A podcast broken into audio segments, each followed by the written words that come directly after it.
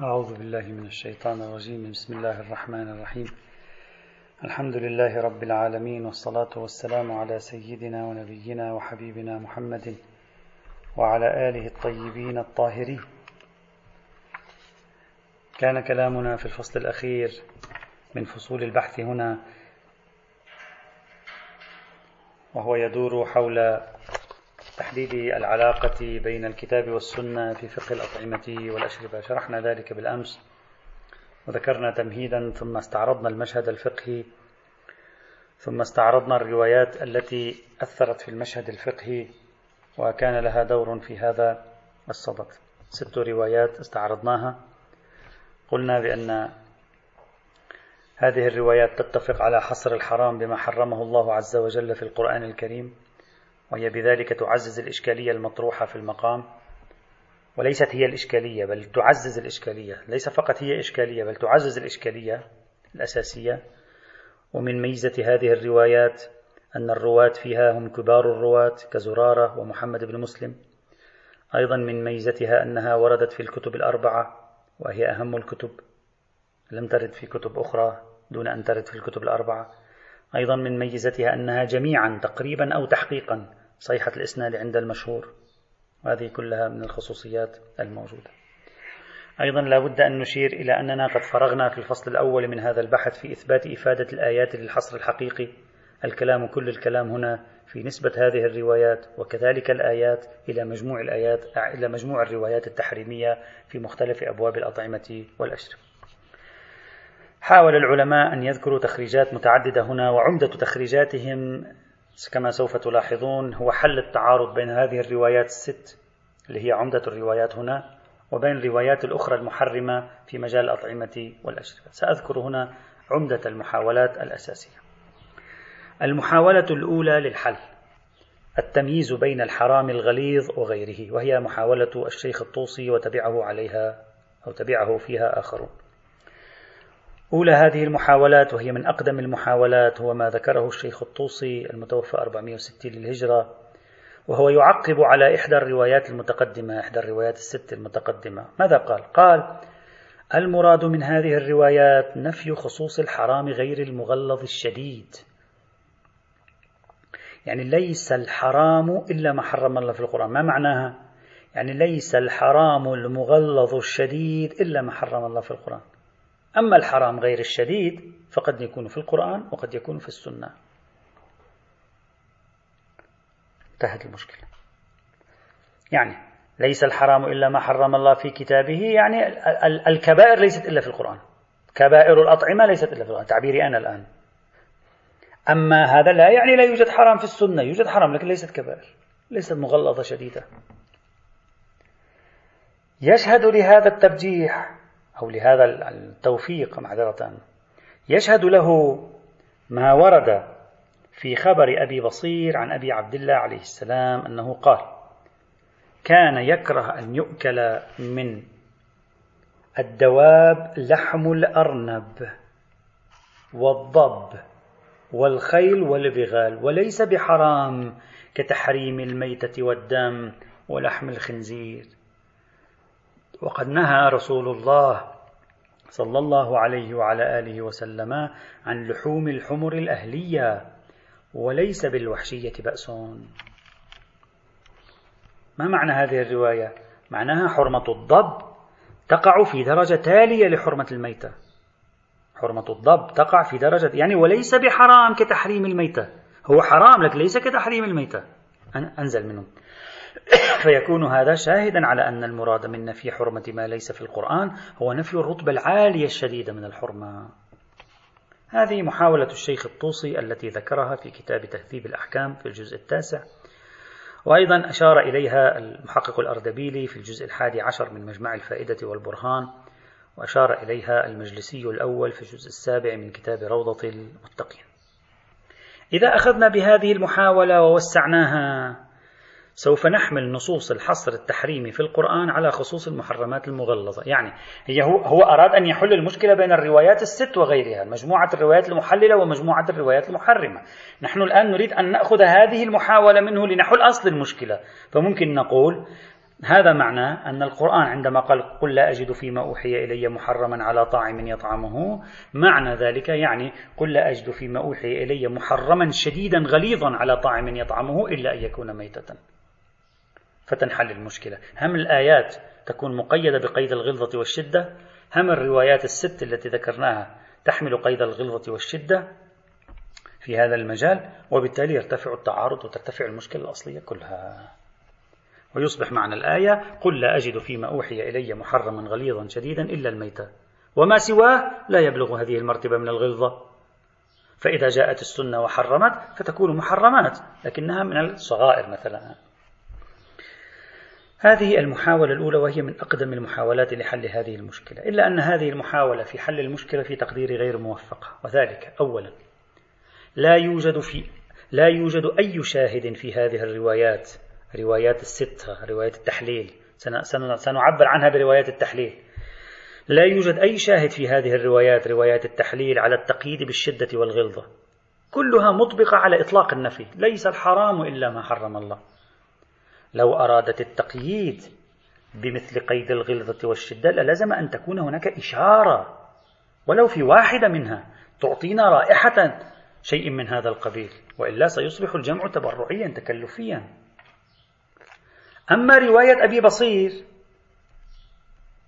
التي جيء بها هذه الرواية أولا تحتمل أنها ليست بصدد التفضيل يعني هكذا. عندما قال وليس بحرام كتحريم الميتة تحتمل أنه ليس بحرام هو حرام لكن ليس بحرام كتحريم الميتة. هذا ينسجم مع كلام الشيخ الطوسي. وممكن معنى آخر. وليس بحرام كما هي الميتة حرام وإنما هو مكروه. الرواية قالت كان يكره. والفقه أيضا يبني على هذا. الفقه عمليا الآن يبني على حلية الخيل والبغال. يعني في بعضها هكذا. لا يقبل بأن كلمة يكره هنا تحريمية مطلقا. فإذا كما تحتمل ليس بحرام كتحريم الميتة يعني هو حرام لكن لا بمستوى تحريم الميتة. تحتمل هو مكروه ليس بحرام كما هي الميتة حرام.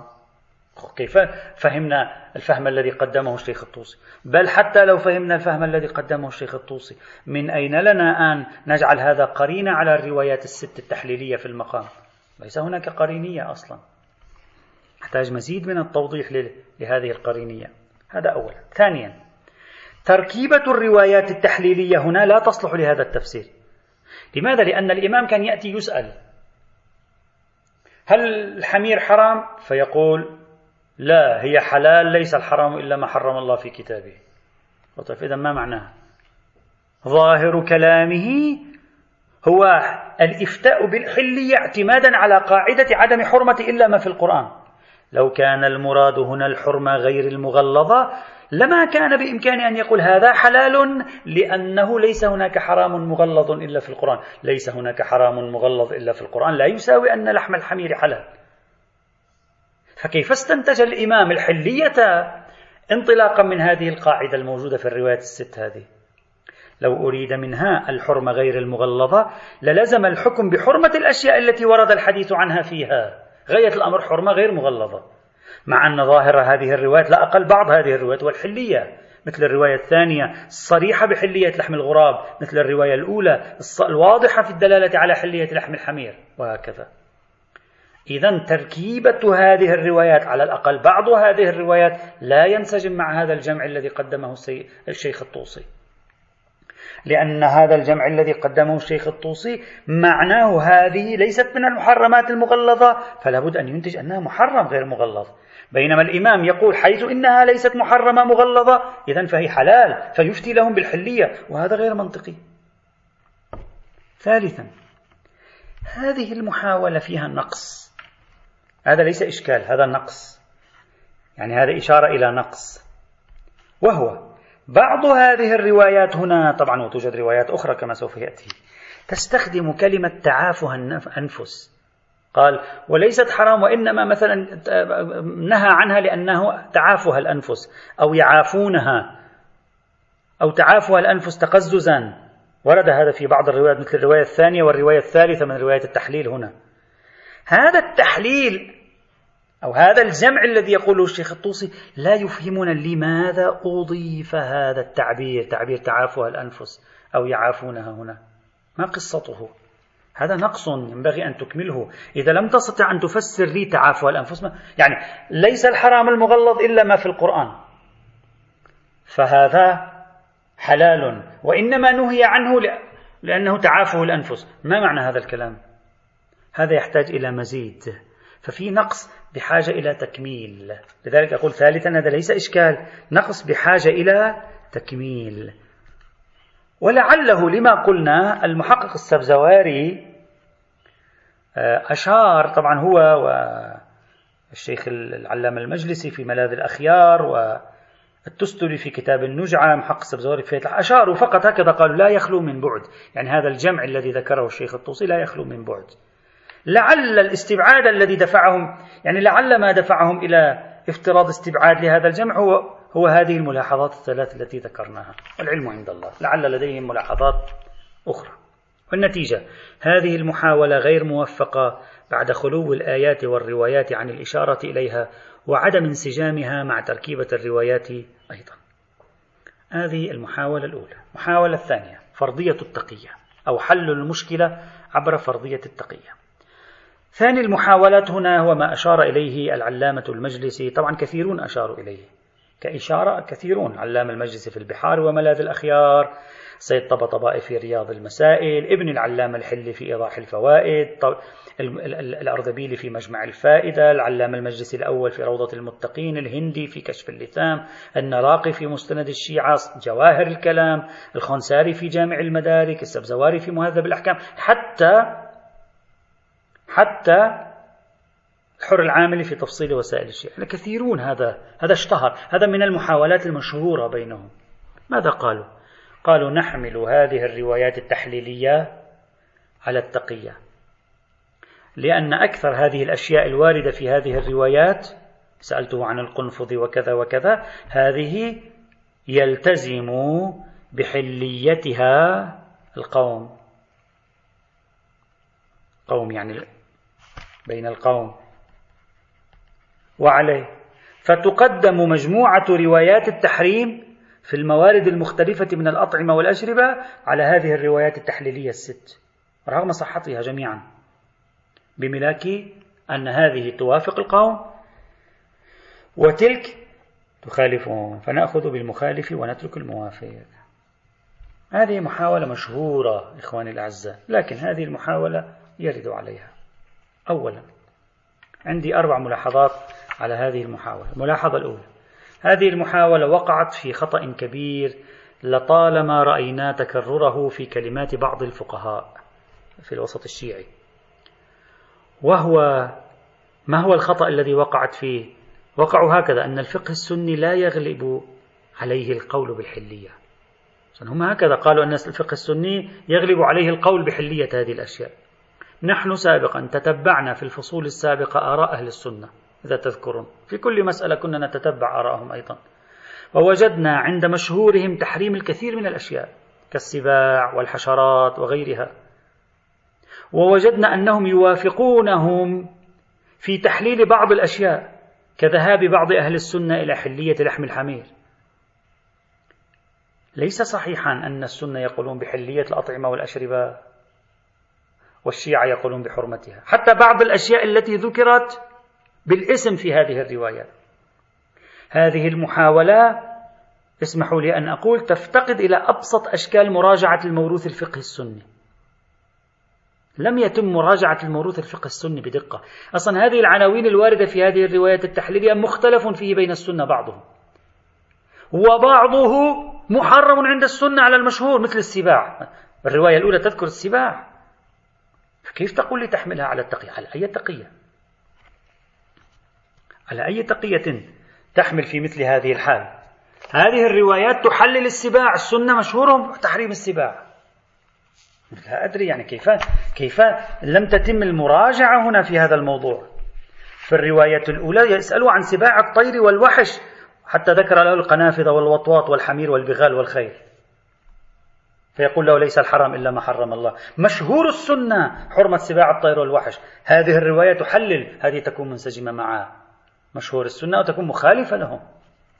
بالعكس روايات تحريم السباع ستكون موافقة للسنة.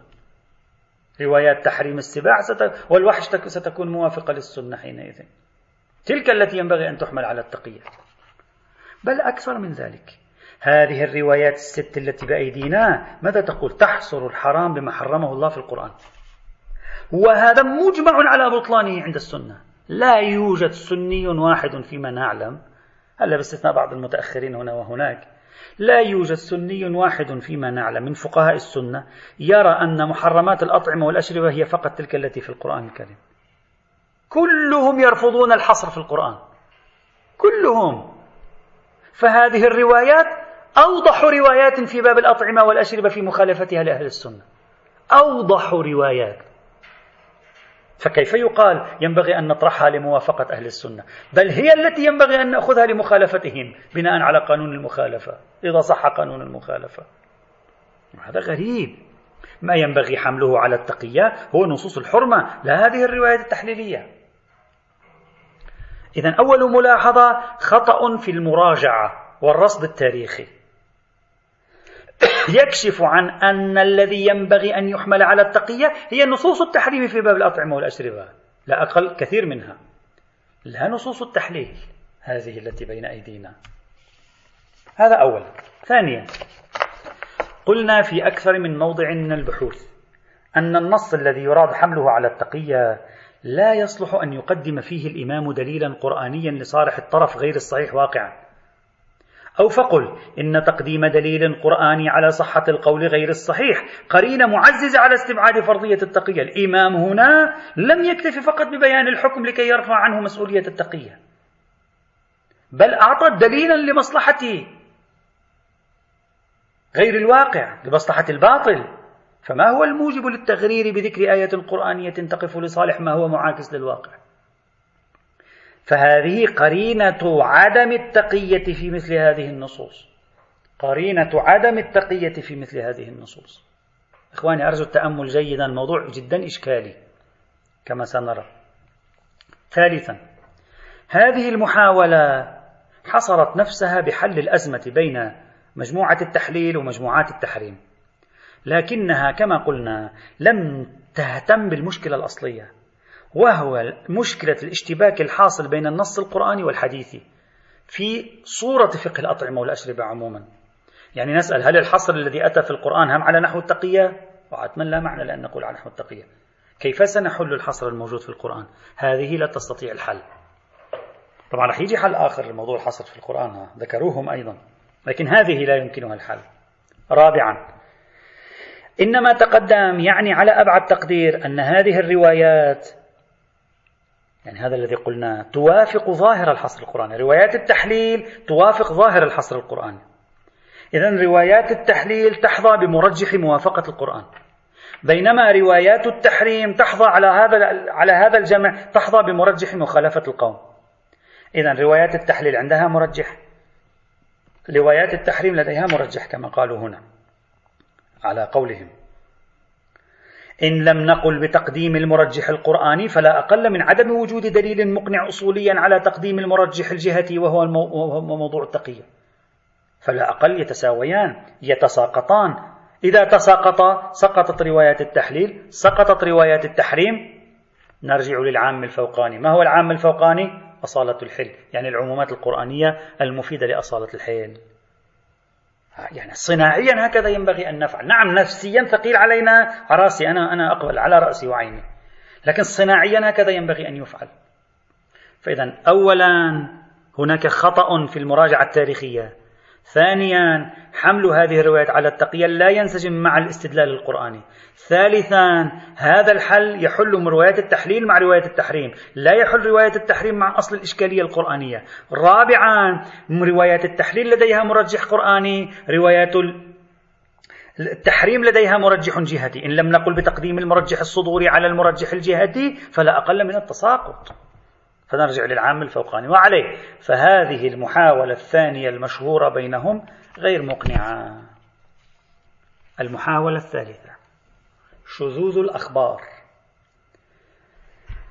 هذه المحاولة ثالث هذه المحاولات هو ما قد يستوحى من العلامة المجلسي. يستوحى من عبارات العلامة المجلسي. العلامة المجلسي ماذا قال؟ في كتابه ملاذ الأخيار في الجزء الرابع عشر. قال ويؤيد أخبار الحرمة الشهرة بين أصحابنا وادعاؤهم الإجماع على أكثرها وإلا فمقتضى الجمع بين الأخبار القول بالكراهة في الأكثر يعني ما معنى الكراهة في الأكثر يعني أكثر المحرمات مكروهة والإحتياط يقتضي متابعة القول في ذلك وإلا فإثبات التحريم في أكثرها مشكل وتأويل الشيخ في أكثرها في غاية البعد. هذا التخريج ذكره أيضا بعض العلماء عندما قالوا هذه الأخبار شاذة وبإمكانكم أن تراجعوا ما أشار إليه سيد الطباطبائي في رياض المسائل حق الأردبيلي في مجمع الفائدة النراقي في مستند الشيعة والجواهري في جواهر الكلام خلاصة هذه المحاولة ماذا تريد أن تقول؟ تريد أن تقول نحن نرجح نصوص السنة التحريمية في باب الأطعمة على هذه النصوص التحليلية. المرجح ما هو؟ اشتهار نصوص التحريم عملا وتداولا وادعاؤهم الإجماع فيها فيؤخذ بالمشهور ويترك الشاذ النادر. هذا ما ذكره. بل يمكنني أن أطور محاولتهم أيضا. دعونا نطورها لمصلحتهم. نقول هذه الروايات التحليلية ظاهرها حصر التحريم مطلقا بالقرآن. هي لا تقول هي تقول إنما الحرام ما حرم الله في كتابه. ما تقول إنما إنما الحرام حرام الأكل والشرب. تقول إنما الحرام ما حرم الله في كتابه. وهذا معناه سلب حجية السنة المؤسسة. يعني النبي لا يمكن أن يأتي بحكم لا وجود له في القرآن. وهذا يخالف مشهور فقهاء المسلمين. وتوجد شواهد عكسية عليه مما يوهن هذه الروايات في المقام. إذا يمكننا أن نطور الإشكال أيضا. إخواني الأعزاء رغم هذه المحاولات إلا أن المحقق الأردبيلي بعد ذكره هذه المحاولة ماذا قال؟ قال المسألة من المشكلات حقيقة مسألة مشكلة كمية الروايات هناك بالعشرات ثقيلة على النفس هنا توجد ست روايات صحيحة الإسناد معها حصر قرآني هم أيضا ليس سهلا طرحه كيف ينحل المشكلة؟ أردبيلي قال مسألة من المشكلات السبزواري ماذا قال؟ قال في كتاب كفاية الأحكام قال إن الطريق إلى معرفة وجه التأويل في هذه الأحاديث يقصد الأحاديث المحللة مشكل ماذا يراد من هذه الأحاديث؟ مشكل أمرها مشكل لا تستطيع أن تؤولها كيف تؤولها؟ تأويلها يحتاج إلى تأويل إلى إلى إلى وجه القضية صعبة حقيقة على أي حال هذا وجه إلا أن هذا الوجه أو هذه المحاولة في تخريج الموقف وحل المعارضات يمكن أنا أن أعلق عليها. أولا هذه المحاولة لم تقدم حلا لأصل المشكلة في التوفيق بين المعطى القرآني ومعطى السنة، قصرت نظرها فقط على نصوص السنة نفسها. ليش؟ ومن الواضح أن إعراض المشهور عن العمل بظاهر القرآن الكريم لا يوجب سقوط ظاهر القرآن عن الحجية ما دام ظاهرا لديك. خاصة وأن هذا المورد من الموارد الاجتهادية التي حللوا فيها وحاولوا أن يعالجوا المشكلة. فاجتهادهم في الترجيح بين نص الكتاب ونص السنة أو اجتهادهم في الترجيح بين نص للسنة ونص آخر ليس بملزم في الفقيه. إذا هذا الحل الذي يقال هنا إذا أراد أن يحل يحل إشكالية علاقة نصوص التحليل مع نصوص التحريم. أما شذوذ الأخبار لا تستطيع أن تقول شذوذ ظاهر القرآن. لا تستطيع أن تقول شذوذ الآيات. هذا لا يمكن التفوه به هنا. فإذا هذا لا يحل جذر المشكلة الأصلية. ثانيا هذه الروايات هنا أي الروايات المحللة لا يظهر منها إطلاق يتعدى باب الأطعمة. الآن أنا أريد أن أجيب عن الصيغة المطورة التي طرحتها أنا أن هذا يلزم منه سد باب حجية السنة المؤسسة. لا. هذه الروايات ليس يظهر منها إطلاق. يريد أن يقول ليس هناك من حرام مطلق إلا ما في القرآن. لماذا؟ لأن سياقها واضح. لا أقل أن سياق السؤال والجواب وطبيعة ترتيب النتائج يحتمل القرينية على كونها ناظرة لخصوص باب الأطعمة. بل استشهاد الإمام بالآيات الخاصة بالأطعمة يضاعف من هذا الاحتمال وأن نظره إلى خصوص الطعام لا إلى مطلق المحرمات. إذا السياق طبيعة السؤال الاستشهاد بالآية. يجعل كلمة إنما الحرام مرددة. بين الألف واللام في كلمة الحرام وهذا يفيد الجنس. وبين الألف واللام العهدية أي الحرام المطعوم المسؤول عنه. وإذا تردد يؤخذ بالقدر المتيقن. ترتفع دلالة هذه الروايات على إبطال السنة التأسيسية. وبالأحرى لا تكون دلالة واضحة ظهورية مشكوك في أمرها. فالروايات تكون سالمة عن مثل هذه المعضلة. هذا ثانيا ثالثا. الترجيح بالشهرة الترجيح بالشهرة الروائية والشهرة العملية هنا. خلينا نكون شهرة روائية أو شهرة عملية. ما في مشكلة. الترجيح بالشهرة الروائية أو الشهرة العملية هنا يقابله ترجيح بموافقة الكتاب الكريم. ولا موجب لتقديم الترجيح بالشهرة على الترجيح بموافقة الكتاب الكريم. وذلك. أصلا قيمة الترجيح بالشهرة ما هي؟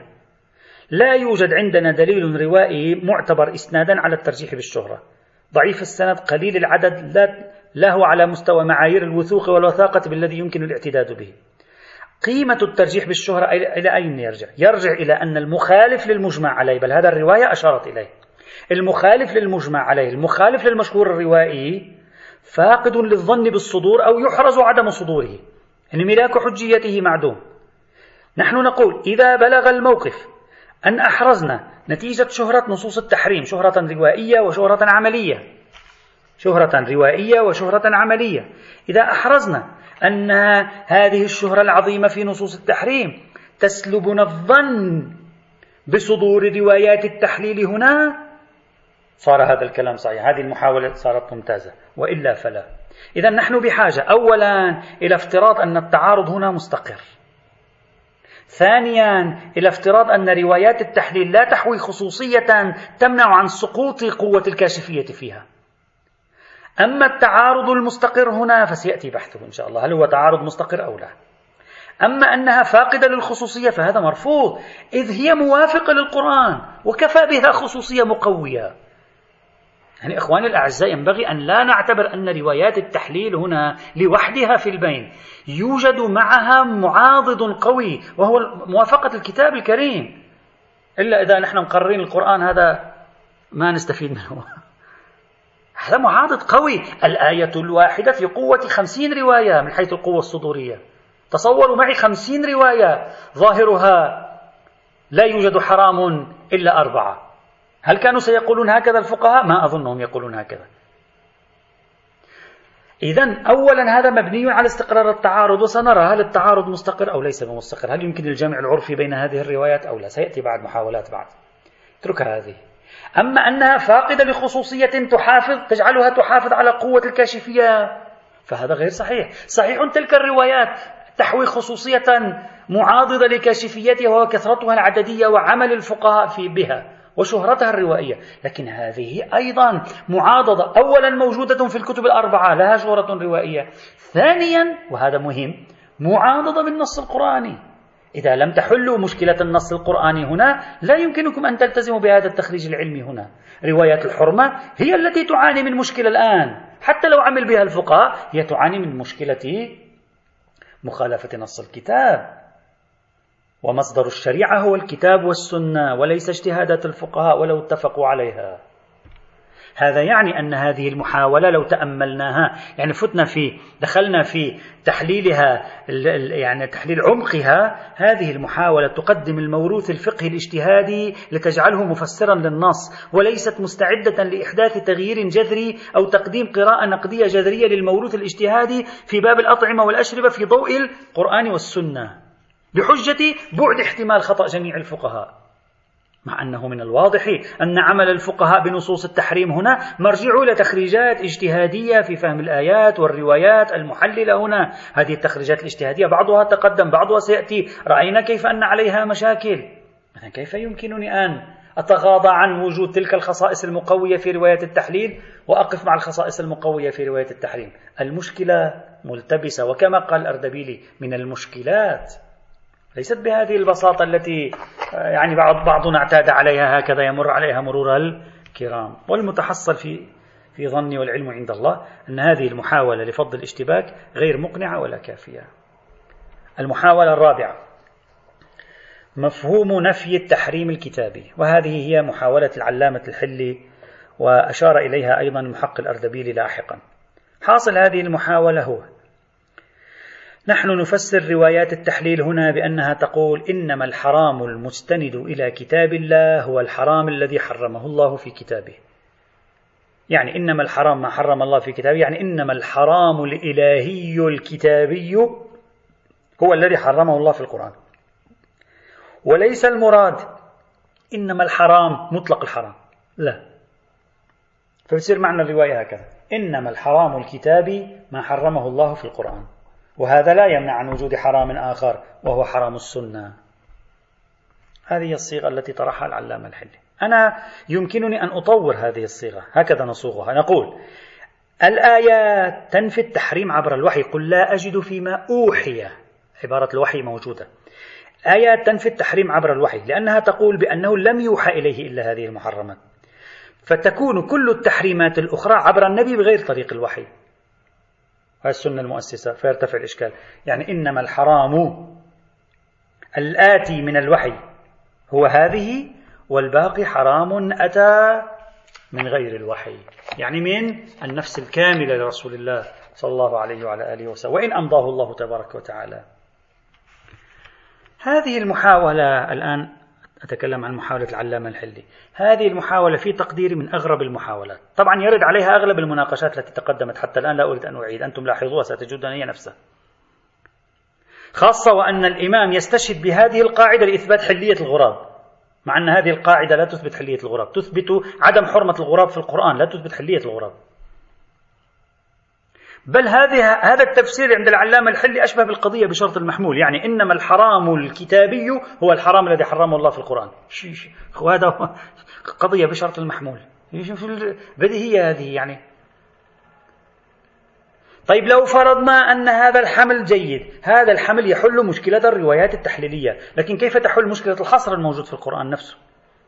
أيضا. هذا يؤكد لك أن الفقهاء عندما عالجوا هذه القضية أصلا حصر القرآن آخر همهم كان. المشكلة المركزية الروايات التحليلية. الحصر القرآني هناك قالوا حصر إضافي مرت معنا سابقا لكن هنا في هذه الزاوية كانت مشكلتهم رواية التحليل. وإلا هذا الجواب لا ينفع في حل مشكلة تعارض رواية التحريم مع الحصر القرآني. فإذا هذه الصيغة من أضعف الصيغ في تقديري. أما الصيغة المطورة التي قلناها هي هذه أيضا لا تنفع. لماذا؟ لأن نفي تحريم شيء نتيجة نفي الوحي به معناه أنه لم يعد يمكن استناد الإمام للآية لإثبات تحليل شيء لم يذكر في القرآن مع أن ظاهر الروايات استناده للتحليل. هذا أولا ثانيا ظاهر نفي النبي في القرآن. قل لا أجد فيما أوحي إلي. ظاهر نفي النبي تحريم شيء عبر نفي الوحي له فيه وهو يندد بما حرموه هم. ظاهر نفي وجود هذه الحرمة في لوح الشريعة. وإلا صرنا صارت فذلكة لغوية وألعوبة كلامية. يعني هو يقول لهم قل لا أجد فيما أوحي إلي محرما إلا هذه. الويل لكم حرمتم ما لم يحرم. ثم يقول بعد قليل نعم أنا أقصد الذي حرم بالوحي أما هو يوجد محرمات أخرى. توجد محرمات أخرى. هذه يعني اعذروني من هذا التعبير. هذا أشبه بفبركة لفظية أشبه بألعوبة كلامية في هذا الإطار. والمفروض أنه لا فرق بين التشريع القرآني وغيره بحسب المآل وبحسب الواقع واقع لوح الشريعة. نعم هذا أين ينفعنا إذا أردنا أن نستمر به؟ ينفعنا عندما نقول بأن النافي في الروايات وفي الآية القرآنية النافي هو عبارة عن التحريم المستند إلى الوحي. فيفتح هذا احتمالا في أن التحريمات النبوية التي جاءت ليست من أصل الشريعة وإنما هي ولائية ناتجة عن مصالح زمنية ناتجة عن تشخيصات وقتية وما شابه ذلك. فتكون تحريمات الأطعمة الواردة في السنة ليست من أصل الشرع بل هي أحكام زمنية أو ولائية أو تطبيقات مؤقتة لقواعد كلية قابلة للتغيير أي تطبيقات قابلة للتغيير إذا تغيرت الموضوعات. هذه نقطة مهمة. الفاضل الهندي في كتاب كشف اللسان في الجزء التاسع. فسر الحرام هنا الوارد في هذه الروايات التحليلية. قال بأنه ما يكون بمعنى الفريضة في مقابل السنة. يعني ما جرى تشريعه بوحي إلهي يطلق عليه الفريضة وما جرى تشريعه من قبل النبي كان سنة أو كان نهيا ووجوبا نبويا وليس نهيا ووجوبا الهيا. وهذا هو أحد أوجه تفسير الفريضة والسنة الوارد في بعض الروايات مثل روايات قاعدة لا تعاد. بناء عليه طبعا هذا تحليل الفاضل الهندي وشرحنا لتحليله. بناء عليه المراد من روايات إنما الحرام ما حرم الله هو نفي التحريم الإلهي لغير هذه الأربعة ميتة وغيرها. وأن التحريم لو ثبت في غيرها فهو تحريم نبوي مؤيد إلهيا فلا تعارض بين النصوص. قيمة التمييز بين السنة والفريضة. هذا موضوع تعرضوا له هم عندما قالوا مثلا لا تنقض السنة السنة لا تنقض الفريضة أو الفريضة تقدم على السنة عند التزاحم وما شابه ذلك. هذه هذا التوضيح الإضافي لهذه المحاولة من الفاضل الهندي هو نفس محاولة العلامة الحلي في تقديره إذا كان الغرض من تبين التمييز بين بين محرمات الفريضة والسنة في الأطعمة فكيف جاء سياق هذه الآيات ليثبت تحليل بعض الأشياء كالغراب والسباع والقنافذ والوطواط والحمير؟ إذا كان هذا ليس من محرمات الفريضة فكيف تنتقل من أنه ليس من محرمات الفريضة لتثبت أنه حلال؟ المفترض أن تقول ليس من محرمات الفريضة إذا هو محتمل يكون محرم سنة ومحتمل يكون حلال سنة. إذا كان محرم سنة كان يجب أن يشير. الانتقال انتقال طفرة.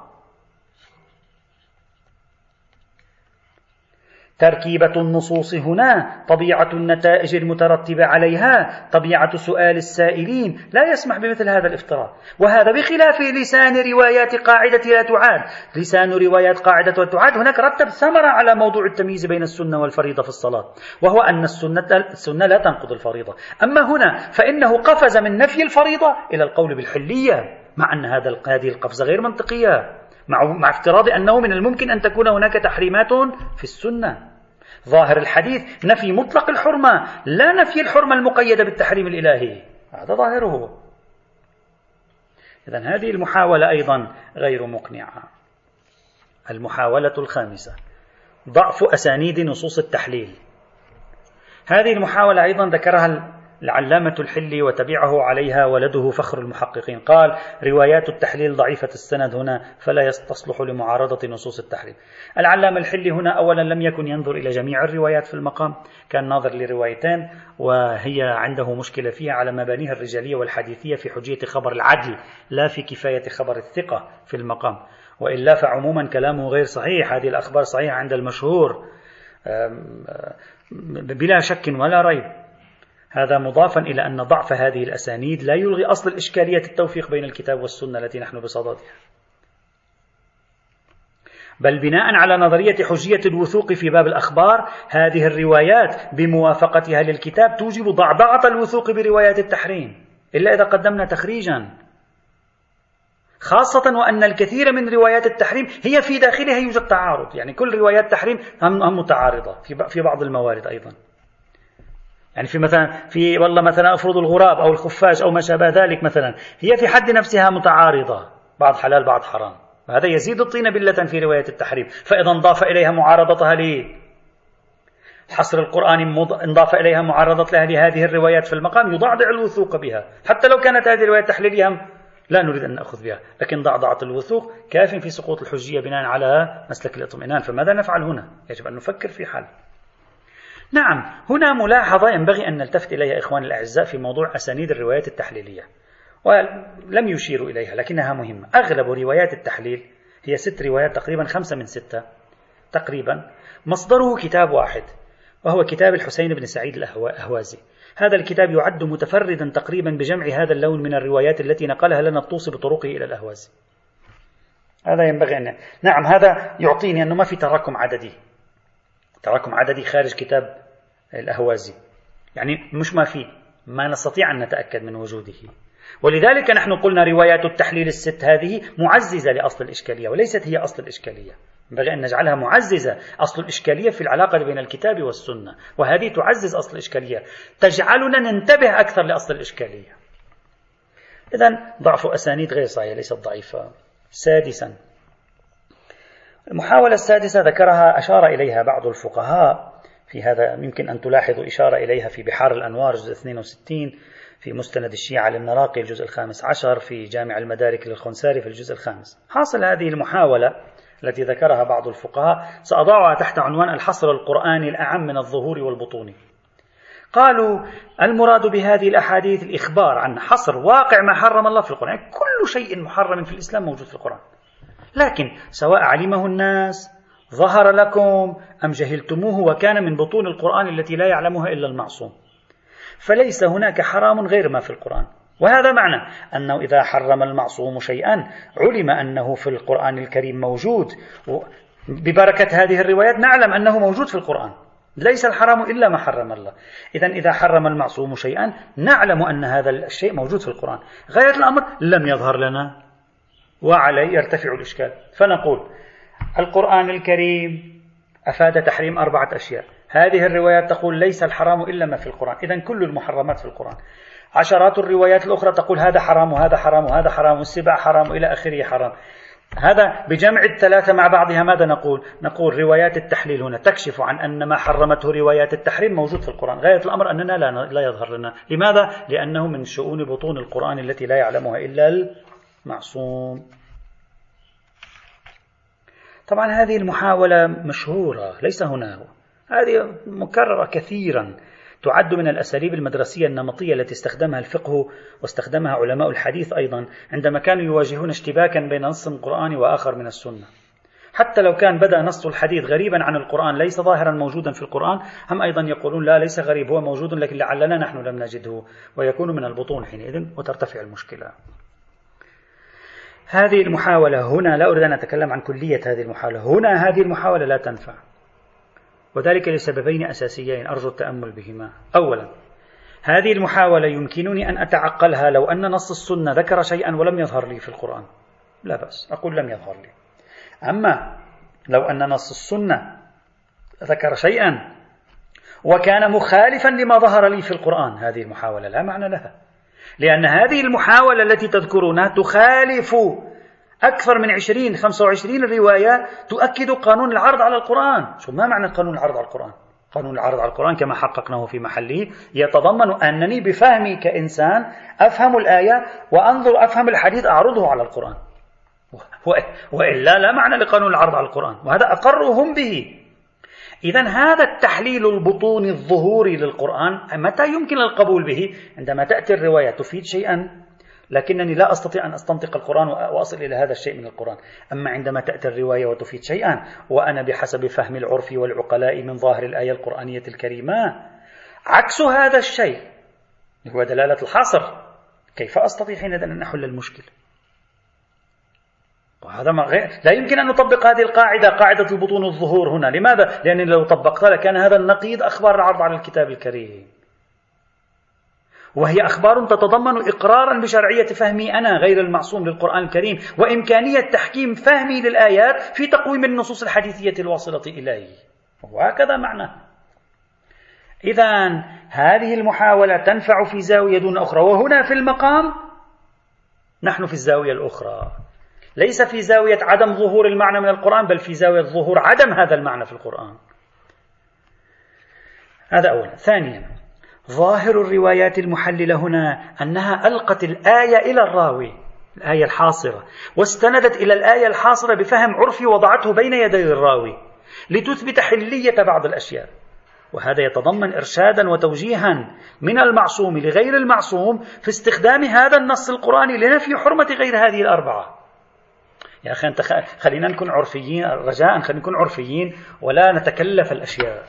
الإمام لما يجي زرارة ومحمد بن مسلم والليثي يسألون عن شيء يقول لهم هذا حلال أو هذا الشيء كذا. اقرأ هذه الآية يا محمد بن مسلم اقرأ هذه الآية إنما الحرام. يقول لا أجد في ماذا معنى هذا؟ ما الذي سيلقى في ذهن محمد بن مسلم؟ محمد بن مسلم سوف يأخذ حينئذ في ذهنه أنه الشيء أي شيء أسأل عنه فإنني أحيله على هذه الآية. هذه الآية لا تتضمنه فإذا هو حلال لأن الإمام فعل ذلك أمامي لم يفعله بطريقة أسرارية رمزية بطونية فعله بطريقة عرفية ظاهرة. فليس هناك بطون في المقام ليس من بطون. هذا أصلا طريقة الإمام أسلوب الروايات يناقض مبدأ وجود محرمات تعلم بباطن القرآن وتخالف ظاهر آيات الحصر. المفهوم عرفا من هذه الروايات كأن الإمام يقوم بتسليم هذه القاعدة وهذه الآلية في الفهم وفي الجواب يسلمها لزرارة ولمحمد بن مسلم ولليثي وغيرهم. وهذا معنى أن الآلية ليست آلية بطونية لو كان في آلية بطونية ما كان يفعل شيء من ذلك. أصلا خطأ. تصوروا معي تصوروا معي أنك أن الإمام يسأل هل أكل لحم الحمير حلال أو حرام؟ فيقول اقرأ هذه الآية فيقرأ يقول هو حلال. أي معنى بعد ذلك أن نتكلم عن بطون؟ هل هذا هل هذا الأداء من الإمام منسجم مع وجود بطون للقرآن الكريم؟ بهذا المعنى لكلمة بطونها في بابنا هنا. لو كان يوجد بطون في القرآن الكريم طريقة الإمام في كيفية الاستدلال باطلة هنا أصلا. إلقاء هذا الاستدلال إلقاؤه هذا الاستدلال لمحمد بن مسلم الذي سيفهم أن هذا الاستدلال هو استدلال عرفي وسوف يأخذه ويطبقه هو في مكان آخر. هذا يناقض مبدأ البطونية الموجودة بالطريقة التي تعرض هنا. أرجو التأمل في هذا الموضوع. المحاولة السابعة. حمل نصوص التحريم على الكراهة هذه المحاولة طبعا ذكرها غير واحد من الفقهاء لكن ما قبلوها. فقط ذكروها مروا عليها لأنهم اختاروا شيئا آخر. طبعا هذه اعتبروها من المحاولات التي يمكن أن تذكر في المقام. من المحاولات التي يمكن أن تذكر في المقام. أغلب الذين قرأنا لهم محاولات سابقة ذكروا هذه المحاولة أيضا.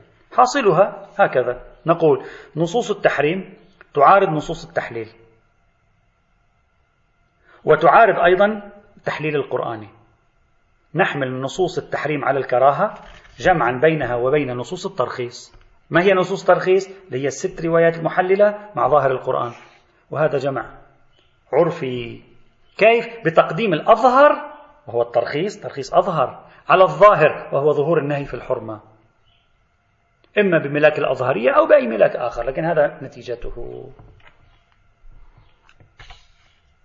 هذا ذكروا. نتيجة حصر المحرمات فيما نص عليه القرآن أما غيره فهو مكروه وليس بحرام فينفض الاشتباك على مختلف الجبهات.